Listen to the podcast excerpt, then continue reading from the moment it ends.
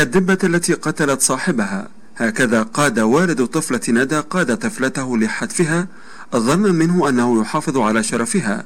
حيث فقدت الطفلة ندى البالغة من العمر 12 عاما بقرية الحوتكة بمركز منفروض بمحافظة أسيوط جنوب مصر فقدت حياتها لتنضم لضحايا تشويه الأعضاء التناسلية الأنثوية أو ما يعرف بختان الإناث حيث تلقى خط نجدة الطفل 16000 والذي يديره المجلس القومي للأمة والطفولة تلقى بلاغا بوفاة ندى كما يقول مدير وحدة حماية الطفل بمركز منفروض بمحافظة أسيوط محروس جاد المولى. أثناء تلقينا كان البلاغ عن حالة ختان الإناث فأن توجهت على الفور خاصة بالطبيب المتسبب. جت في عيادة مغلقة وموجود فيها الشرطة.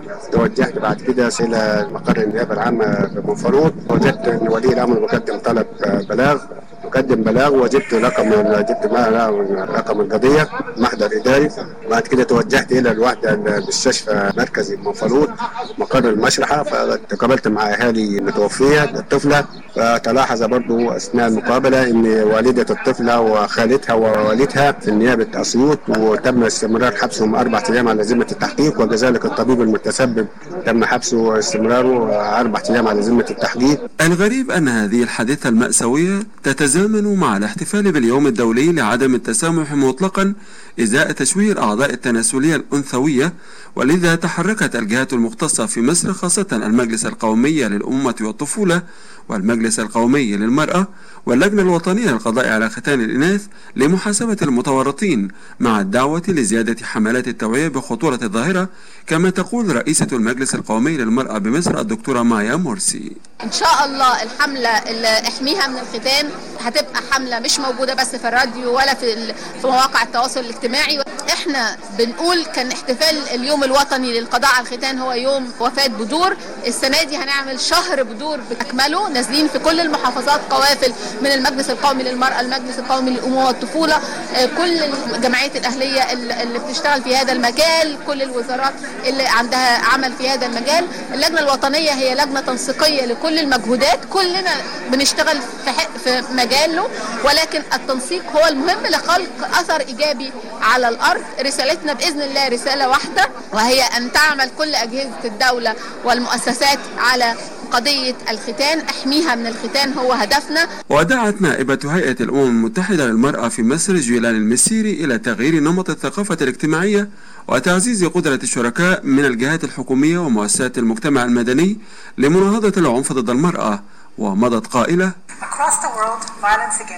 في جميع أنحاء العالم لا يزال العنف ضد النساء والفتيات من أخطر انتهاكات حقوق الإنسان كسبب ونتيجة لعدم المساواة والتمييز بين الجنسين. وفي مصر تعمل هيئة الأمم المتحدة للمرأة بالشراكة مع الحكومة المصرية والمجتمع المدني لمناهضة العنف ضد المرأة خاصة ختان الإناث وتعزيز قدرة الشركاء على منع العنف والتصدي له وتشجيع تغيير الثقافة الاجتماعية. وكنا في الفترة الماضية قد شاركنا في حملة 16 يوما لمنع العنف ضد النساء. كل يوم دعونا نتحد إذن لمناهضة العنف ضد المرأة. وفي قرية الحواتكة بمركز منفروض بمحافظة أسيوط مسقط رأس الضحية ندى تلقى الأهالي الخبر كالصاعقة ورغم ذلك اختلفت آراؤهم حول ختان الإناث. أنا أسامة عبد العظيم أحمد أحد سكان قرية الحواتكة يمكن واجهنا الموضوع كان بالنسبة لنا بمثابة يعني صدمة لينا كلنا وفاة بنت كانت حصلت لها عملية ختان ويمكن عملية الختان ما زالت لسه العادات والتقاليد بتأثر على كل الأمور العلمية اللي هي صدرت في الموضوع ده. موروثات ثقافية وموروثات اجتماعية توارثتها الآباء عن الأجداد عن الكلام ده كله. الكلام ده إحنا كله متفقين عليه. لكن العلم حاليا بيقول إيه؟ العلم إحنا دخلنا العلم حتى في الختام. كنا بنجيب داية زمان النهارده بنودي الدكتور إن كان متخصص أو غير متخصص. حكايه الطهارة ديت دي وراثه ابا عن جدة.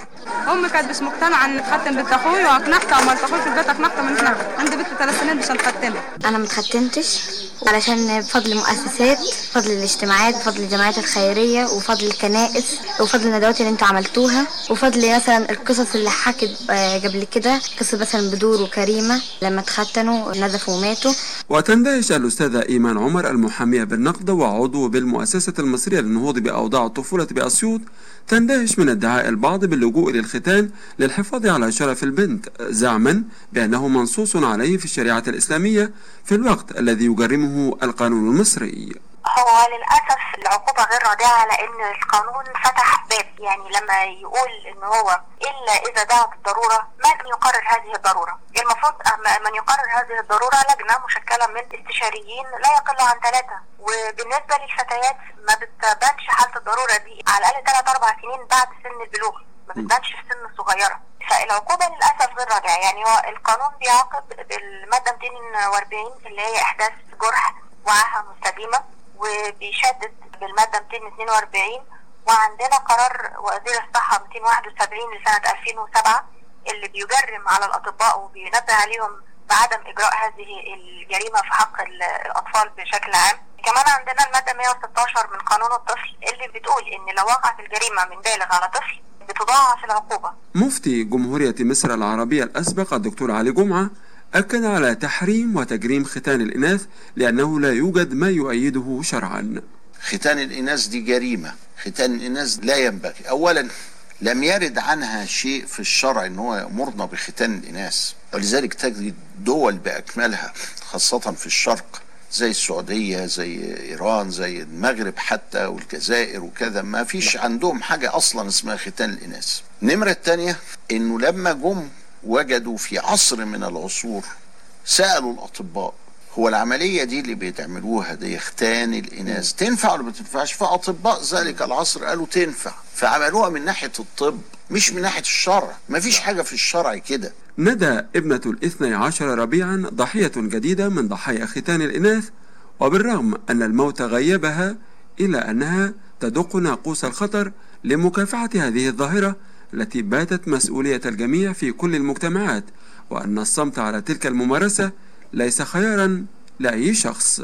من محافظة أسيوط بمصر خالد عبد الوهاب لأخبار الأمم المتحدة.